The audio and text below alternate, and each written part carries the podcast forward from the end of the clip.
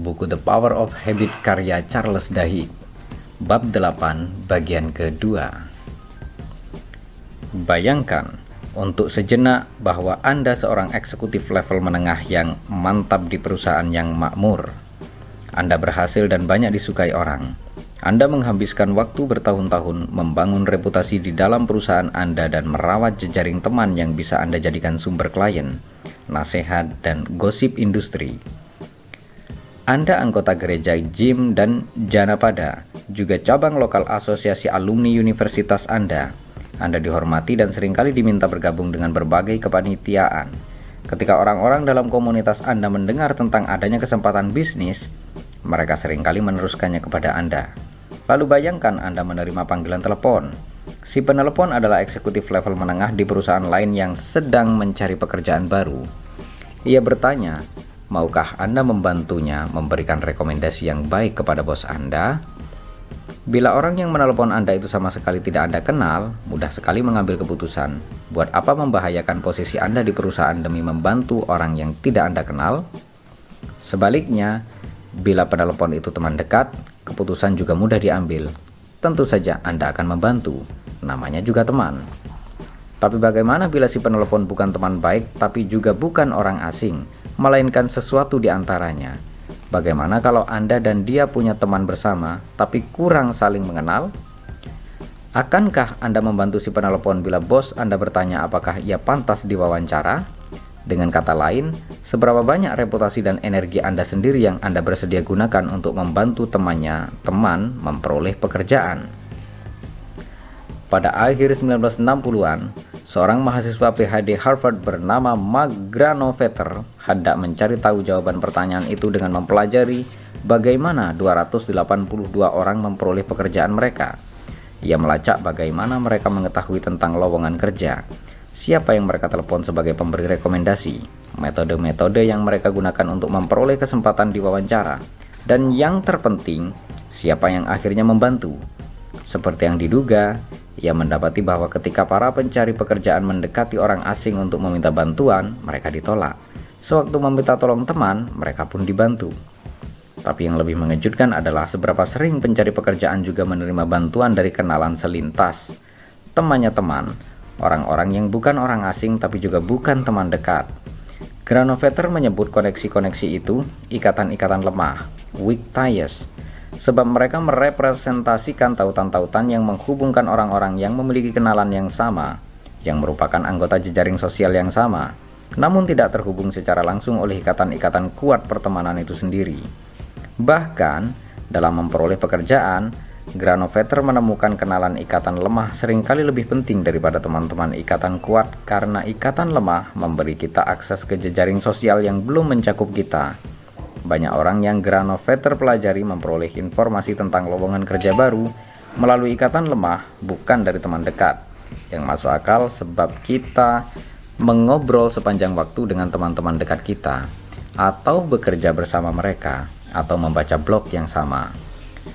Pada saat mereka mendengar tentang lowongan baru, kita barangkali sudah tahu juga mengenainya. Di sisi lain, kenalan-kenalan ikatan lemah kita, orang-orang yang berjumpa kita setiap enam bulan sekali adalah yang memberitahu kita mengenai pekerjaan-pekerjaan yang kalau tidak begitu tak pernah kita dengar. Ketika para ahli sosiologi mengkaji bagaimana opini menjadi diterima masyarakat, bagaimana gosip menyebar, atau bagaimana pergerakan politik bermula, mereka menemukan pola yang sama. Kenalan-kenalan ikatan lemah kita sering kali sama berpengaruhnya, atau malah lebih berpengaruh dibanding teman-teman ikatan kuat kita. Seperti yang ditulis Granovetter, individu-individu dengan sedikit ikatan lemah tak akan memperoleh informasi dari bagian-bagian jauh sistem sosial dan akan terbatas kepada berita-berita dekat dan pandangan-pandangan teman-teman karib mereka.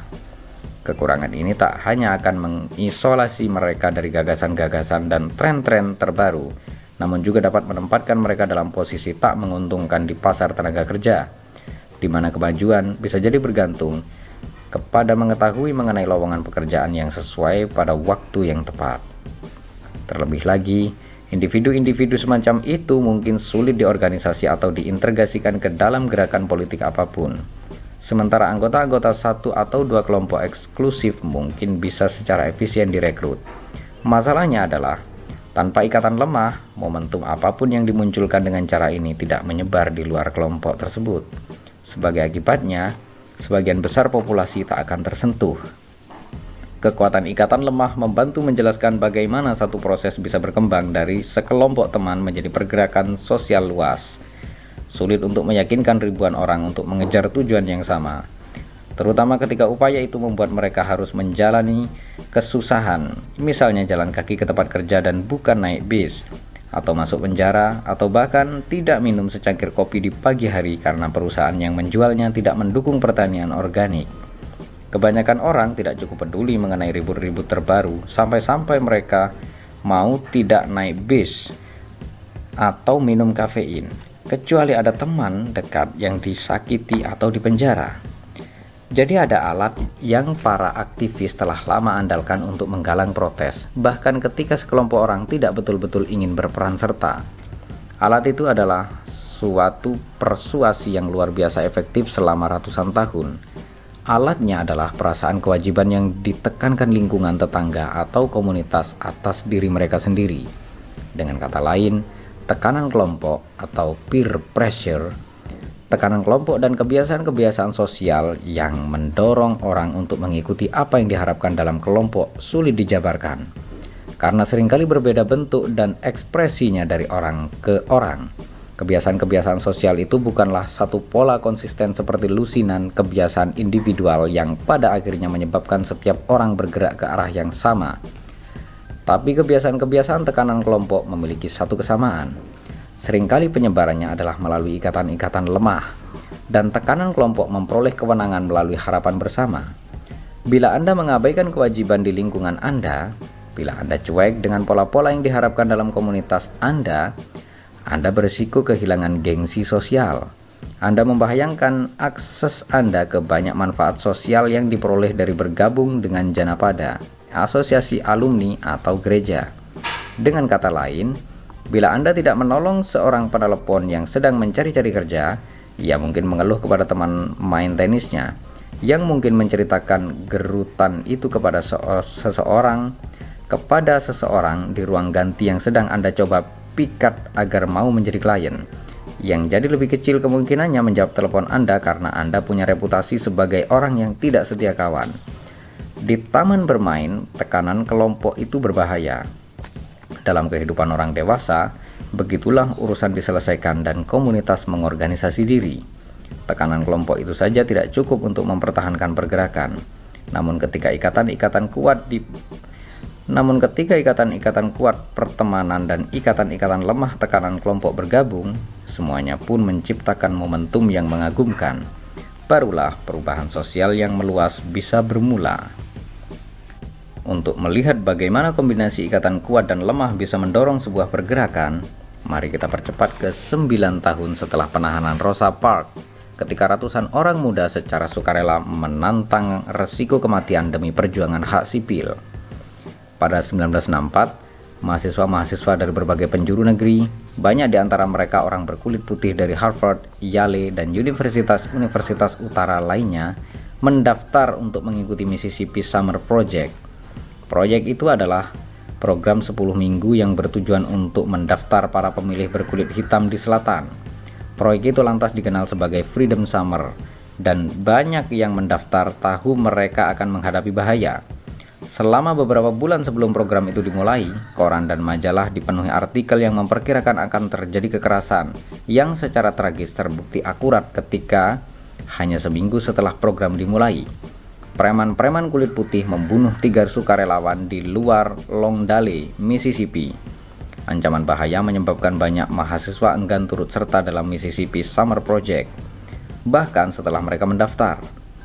Seribu lebih pelamar diterima ikut Freedom Summer, namun ketika tiba saatnya berangkat ke selatan pada bulan Juni, tiga ratusan mahasiswa yang diundang untuk turut serta memutuskan untuk tinggal di rumah saja.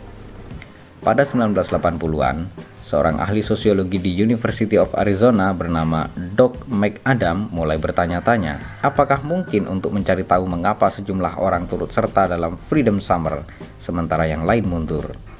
Ia mulai dengan membaca 720 halaman yang dimasukkan para mahasiswa beberapa dasawarsa sebelumnya.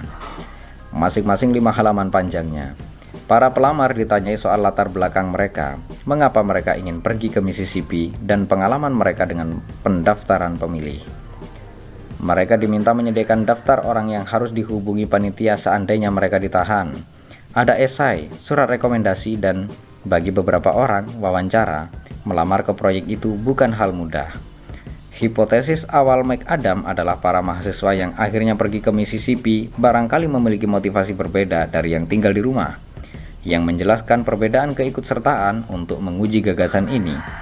Ia membagi para pelamar menjadi dua kelompok. Kelompok pertama adalah orang-orang yang berkata mereka ingin pergi ke Mississippi dengan motif-motif kepentingan pribadi, misalnya menguji diri, mencari petualangan seru, atau mempelajari cara orang selatan hidup. Kelompok kedua adalah yang memiliki motif dengan orientasi ke orang lain, misalnya meningkatkan kualitas hidup orang kulit hitam, membantu perwujudan penuh demokrasi atau menunjukkan kekuatan anti kekerasan an, menunjukkan kekuatan anti kekerasan sebagai wahana perubahan sosial. Orang-orang yang berkepentingan pribadi, menurut hipotesis McAdam, lebih berkemungkinan tidak ikut begitu mereka menyadari risiko-risiko Freedom Summer. Yang berorientasi orang lain berkemungkinan lebih besar naik ke dalam bis menuju selatan. Hipotesis itu salah yang egois dan tak egois. Menurut data, pergi ke selatan dalam jumlah yang setara. Perbedaan motif tidak menjelaskan perbedaan bermakna apa pun antara yang ikut serta dan yang mundur, tulis McAdam. Berikutnya, McAdam membandingkan ongkos kesempatan para pelamar. Mungkin yang tidak jadi ikut punya suami atau pacar yang menyebabkan mereka batal pergi ke Mississippi. Mungkin mereka punya kerja dan tidak bisa minta izin cuti dua bulan tanpa dibayar salah lagi. Menikah atau memiliki pekerjaan purna waktu justru meningkatkan kemungkinan si pelamar pergi ke selatan. McAdam berkesimpulan. Ia punya satu hipotesis yang tersisa. Setiap pelamar diminta menuliskan organisasi-organisasi kemahasiswaan dan politik apa saja yang mereka ikuti. Dan setidaknya 10 orang yang mereka ingin terus diberi kabar mengenai aktivitas musim panas mereka, sehingga Mike Adam pun mengambil daftar-daftar tersebut dan menggunakannya untuk memetakan jejaring sosial masing-masing peserta. Dengan membandingkan keanggotaan klub, ia mampu menentukan pelamar-pelamar mana yang punya teman yang juga melamar untuk Freedom Summer. Begitu selesai, ia akhirnya menemukan jawaban yang begitu selesai, ia akhirnya menemukan jawaban mengapa sejumlah mahasiswa pergi ke Mississippi sementara yang lain tidak jadi ikut. Oleh karena kebiasaan-kebiasaan sosial atau secara lebih spesifik karena kekuatan ikatan-ikatan kuat dan lemah yang bekerja sama, mahasiswa-mahasiswa yang turut serta dalam Freedom Summer adalah bagian tipe komunitas di mana teman-teman akrab maupun kenalan-kenalan kurang akrab mereka mengharapkan mereka naik ke bis ke selatan yang mundur juga merupakan bagian komunitas, namun jenisnya berbeda. Jenis tanpa tekanan dan kebiasaan sosial yang memaksa mereka pergi ke Mississippi. Bayangkan, Anda salah satu mahasiswa yang melamar. Mike Adam berkata kepada saya, pada hari Anda mendaftar untuk Freedom Summer, Anda mengisi lamaran bersama lima teman terdekat Anda dan Anda semua merasa sangat termotivasi. Kini, Enam bulan kemudian dan hari keberangkatan nyaris tiba, semua majalah, semua majalah memprediksi kekerasan di Mississippi. Anda menelepon orang tua Anda dan mereka menyuruh Anda tinggal saja di rumah. Pada titik itu, justru aneh bila Anda tidak jadi ragu-ragu. Kemudian, Anda berjalan melintas kampus dan melihat sekelompok orang dari kelompok gereja Anda, dan mereka berkata, "Kami lagi mengatur kendaraan nih. Kamu mau dijemput kapan?" Orang-orang itu bukan teman-teman terdekat Anda, namun Anda bertemu mereka di rapat-rapat klub dan di asrama, dan mereka penting di dalam komunitas sosial Anda. Mereka semua tahu Anda diterima di Freedom Summer, dan Anda pernah bilang ke mereka, Anda ingin pergi. Coba saja pada titik itu, Anda bisa mundur atau tidak.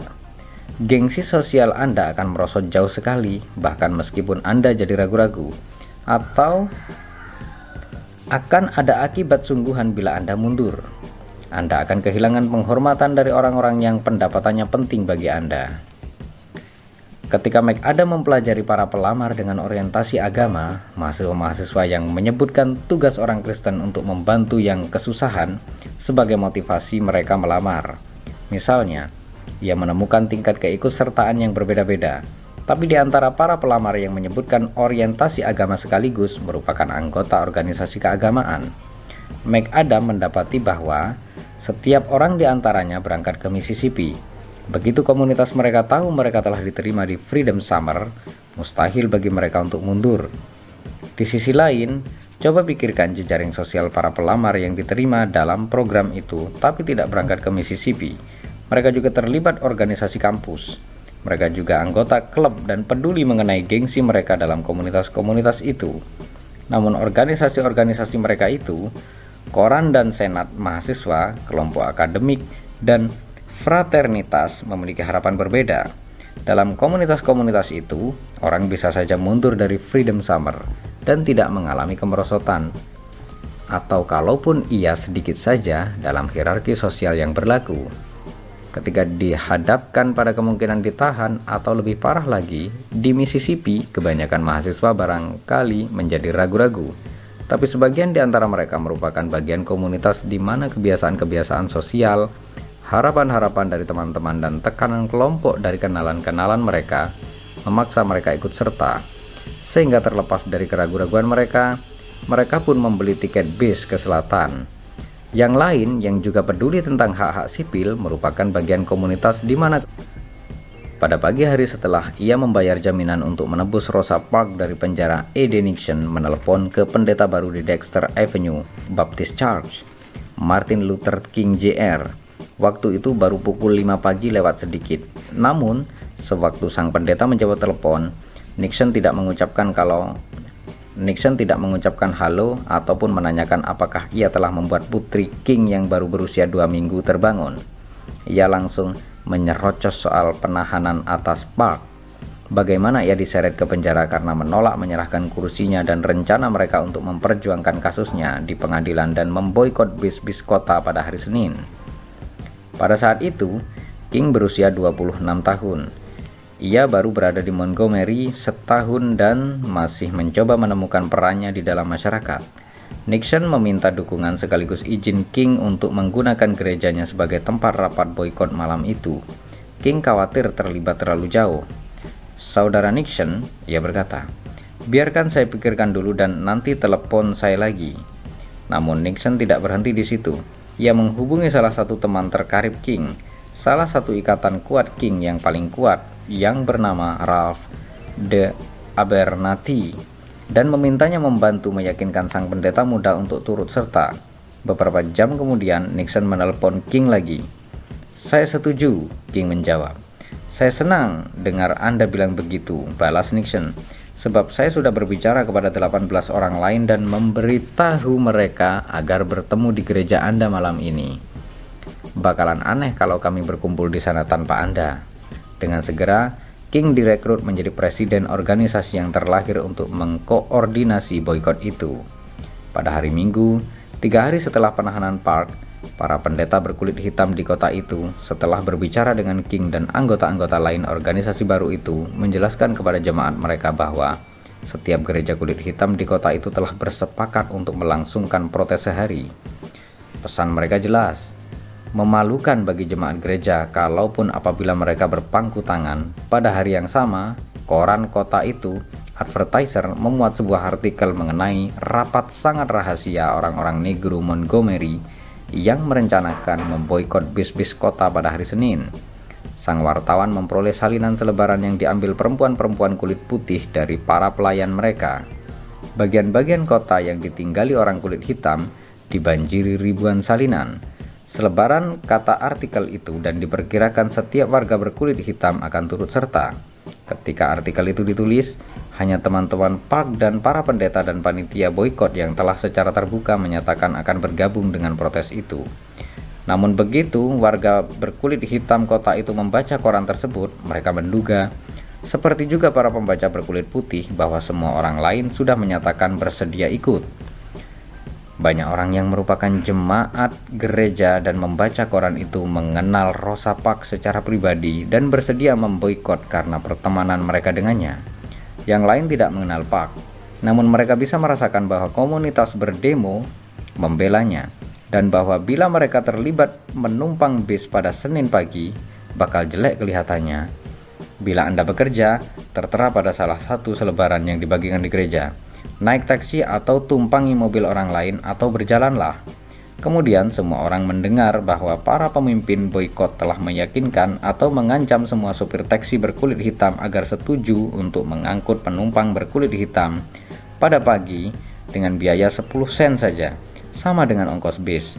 Ikatan-ikatan lemah komunitas menarik semua orang menyatu.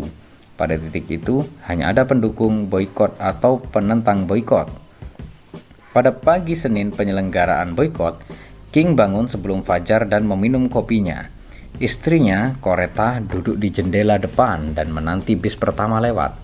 Koreta memekik ketika ia melihat lampu depan bis rute South Jackson yang biasanya dipenuhi para pembantu rumah tangga yang berangkat bekerja lewat tanpa penumpang. Bis berikutnya juga kosong, demikian pula yang berikutnya. King berkeliling dengan mobilnya, memeriksa rute-rute lain. Dalam sejam, ia menghitung delapan penumpang berkulit hitam seminggu sebelumnya yang ia lihat ratusan. Saya gembira sekali. Nantinya ia menulis, mukjizat telah terjadi. Terlihat orang-orang menunggang begal, terlihat orang-orang menunggang bagal ke tempat kerja, dan tak cuma satu kereta yang ditarik kuda menelusuri jalan-jalan Montgomery Penonton berkumpul di halte-halte bis untuk mengamati apa yang terjadi. Pada awalnya, mereka berdiri diam, namun semakin siang mereka mulai menyoraki bis-bis yang kosong dan tertawa dan bercanda. Anak-anak muda yang berisik terdengar menyanyikan tidak ada penumpang hari ini. Siang itu di ruang pengadilan di Charles Street, Rosa Parks dinyatakan bersalah karena melanggar hukum pemisahan ras negara bagian.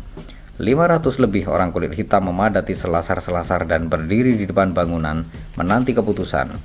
Boykot dan demo dadakan di pengadilan adalah aktivisme politik kulit hitam paling besar dalam sejarah Montgomery. Dan semua itu digalang dalam lima hari. Aktivisme itu dimulai di antara teman-teman dekat Park, namun memperoleh kekuatan, kata King dan para peserta lain nantinya dari perasaan kewajiban di antara komunitas kebiasaan-kebiasaan sosial, ikatan-ikatan lemah. Komunitas ditekan untuk bersatu karena khawatir siapa pun yang tidak turut serta bukanlah orang-orang yang ingin Anda jadikan teman. Ada banyak orang yang akan ambil bagian dalam boykot itu tanpa dorongan semacam itu.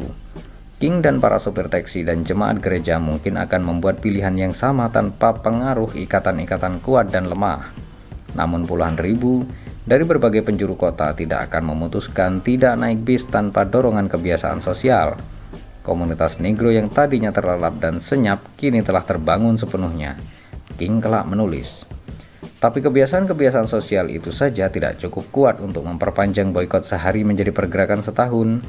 Beberapa minggu kemudian, King secara terbuka menyatakan kekhawatiran bahwa tekad orang-orang melemah bahwa kemampuan komunitas negro untuk terus berjuang meragukan.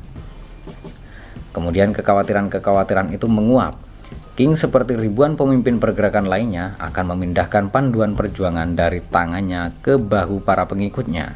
Sebagian besar dengan memberikan mereka kebiasaan-kebiasaan baru. Ia akan mengaktifkan bagian ketiga rumus pergerakan dan boykot itu pun menjadi kekuatan yang mendorong dirinya sendiri. Terima kasih dan bersambung ke bab 8 bagian 3.